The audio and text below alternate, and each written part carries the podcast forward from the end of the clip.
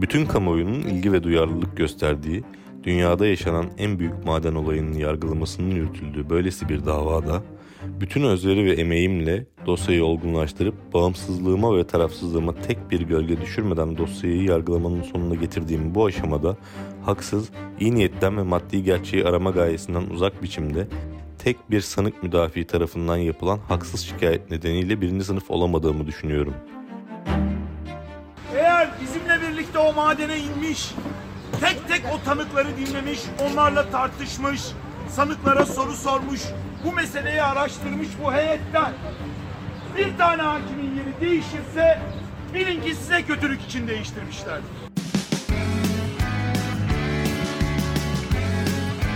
Oku, dinle, izle. Kısa Dalga. Soma davasının seyrini anlattığımız podcast'in 3. bölümüne hoş geldiniz. Hatırlayacaksınız, bir önceki bölümü tarihi tuvalet molası ile bitirmiştik. Mütalam hazır, birazdan vereceğim diyen savcı, mütalasını yarım saatlik aradan tam bir buçuk yıl sonra verdi. Soma davasında ardı ardına yeni gelişmeler yaşandı. Müge Anlı'nın programında dile getirilen iddialar, sabotaj iddiası ve sanık avukatlarının mahkeme başkanına yönelik eleştirilerinin ardından ailelerin ve avukatlarının korktuğu şey gerçekleşmek üzereydi. Mahkeme Başkanı Aytaç Ballı, Temmuz 2017'de terfi görünümlü bir atamayla Soma davasından alındı. Bu bir terfi gibi görünüyordu evet ama ne davanın avukatları, ne hakimin kendisi, ne de aileler bu durumdan memnundu. Eşi Erdoğan Köse'yi Soma'daki katliamda kaybeden Gülfidan Köse bu atamaya tepki duyanlardan sadece biriydi. Aytaç Ballı mesela çok güzel getirmişti şeyi davayı. Ama onu bir aldılar ki inanır mısın ben bir hafta on gün evde ekmek yemedim. Öyle bir ağladım ki. Hani insan üzülüyor yani bir emeğin karşılığını alamadın mı? İnsanın o kadar bir zoruna gidiyor ki çok zoruna gidiyor yani. Adaletin hani bu olmaz. Her seferinde önünü kesiyorlar her seferinde.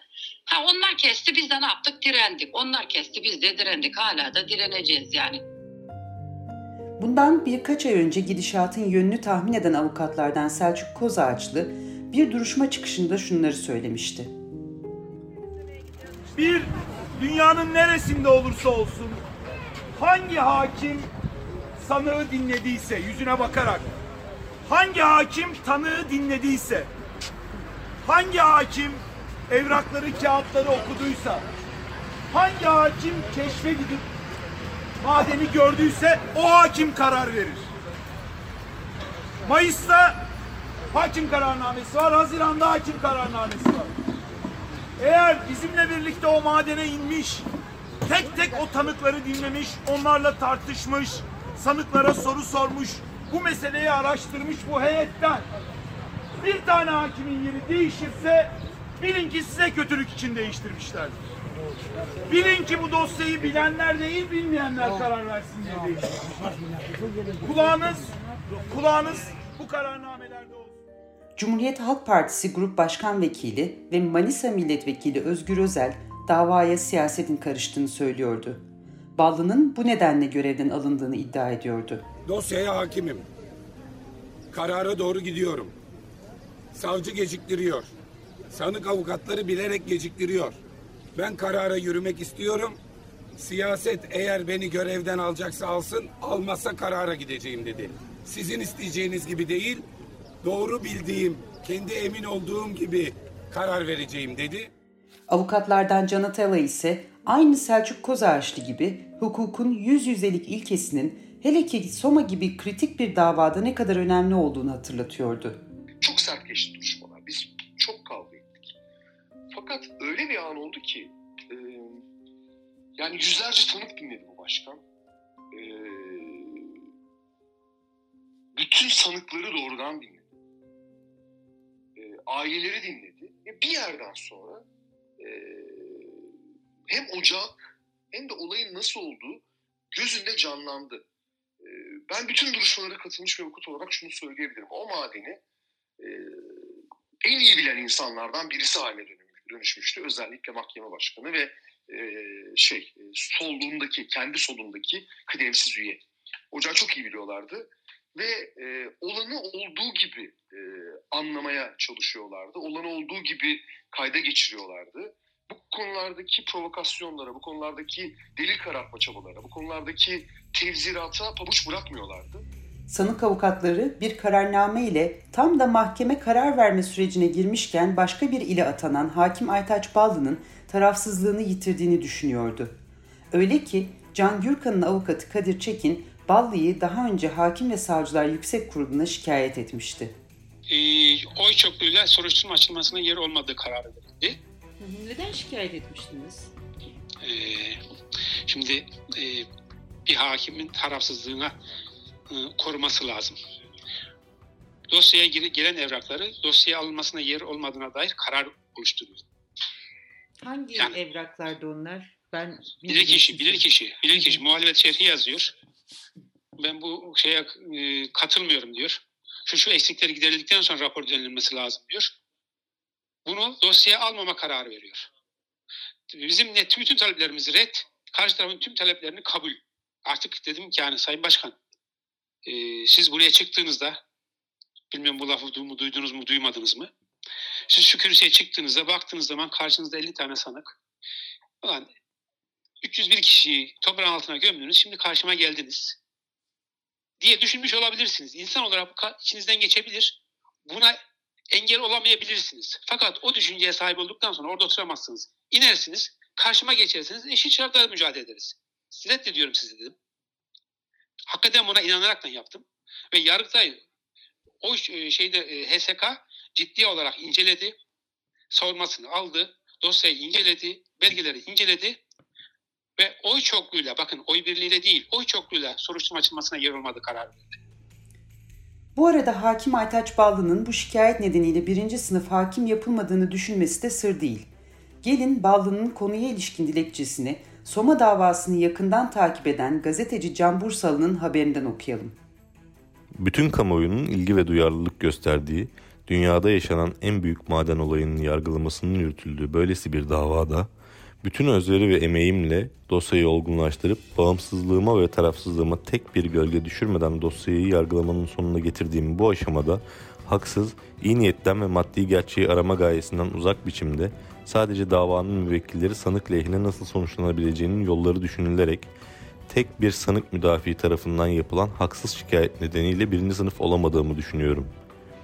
Bu nedenle hakkımdaki şikayetin bekletici mesele yapılmaması, bu aşamada birinci sınıf olamamam yönündeki hakkımda verilmiş bulunan kararın yeniden incelenmesi hususunda gereğini saygılarımla takdirlerinize arz ederim.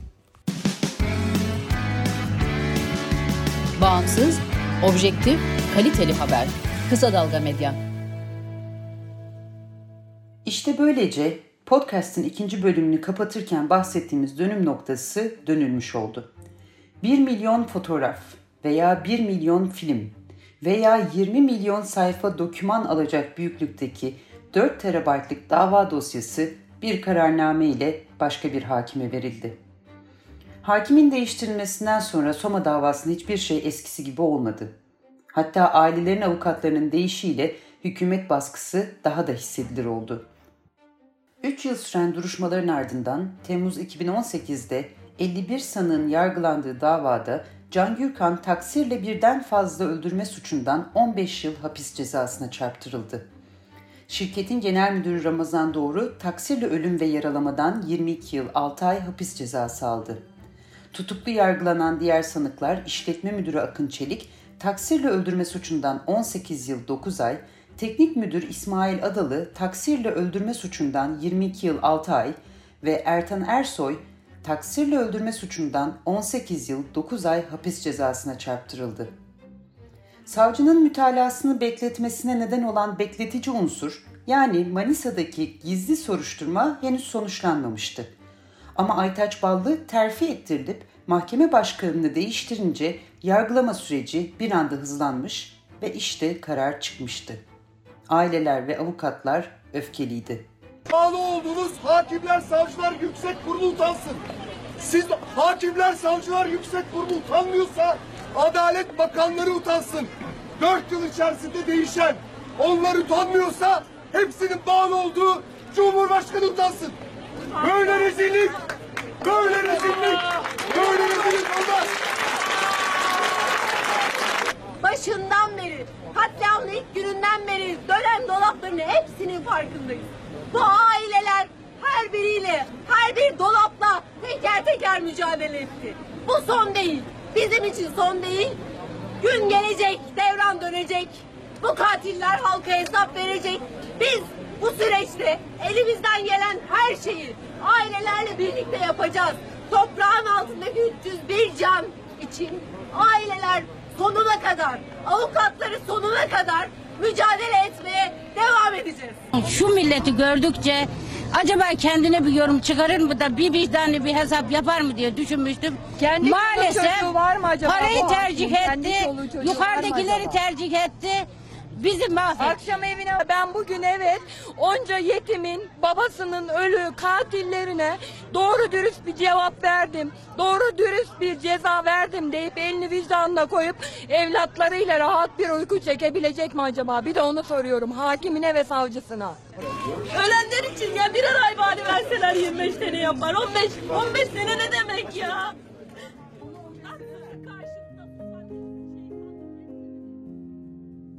Dedik ya yargılama süreci bir anda hızlanmıştı.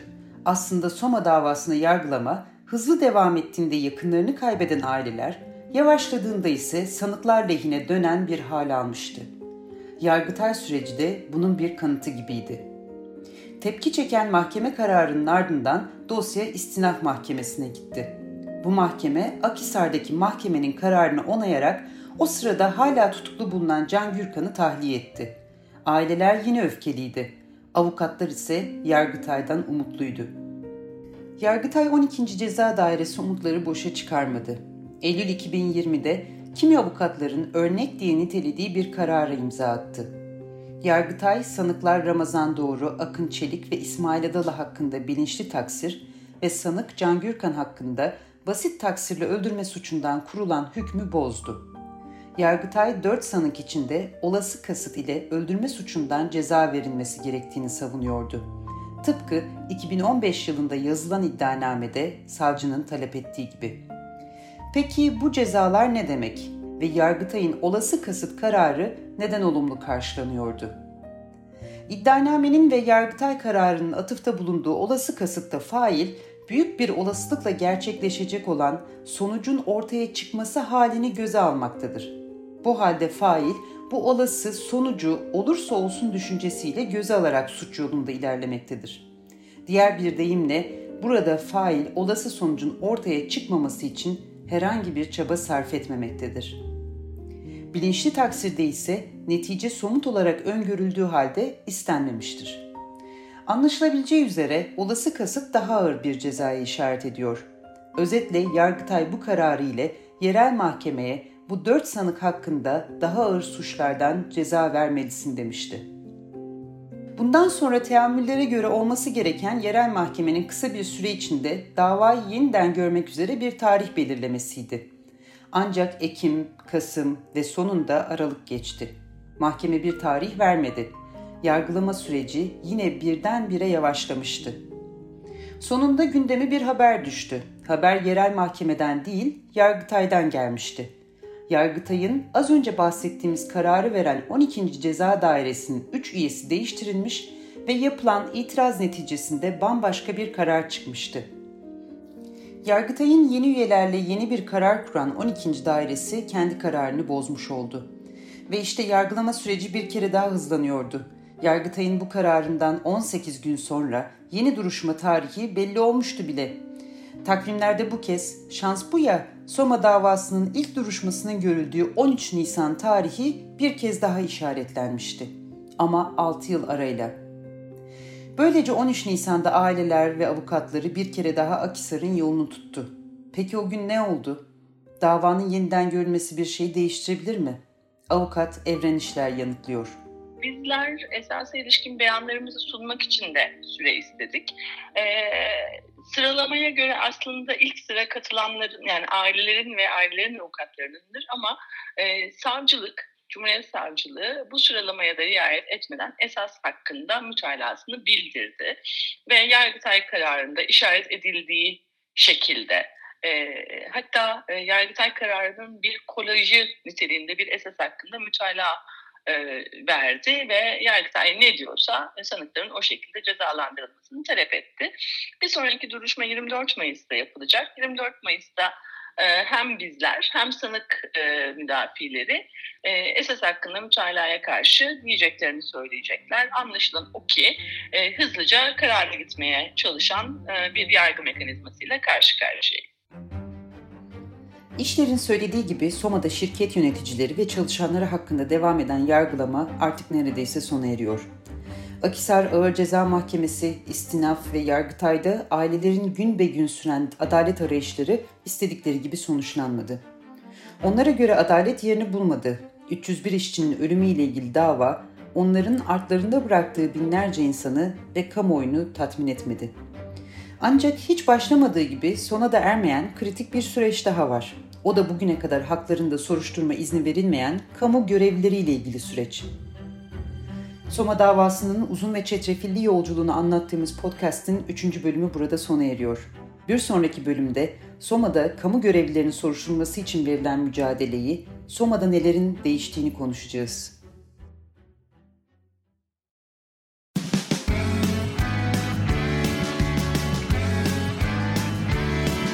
Kulağınız bizde olsun. Kısa Dalga Podcast.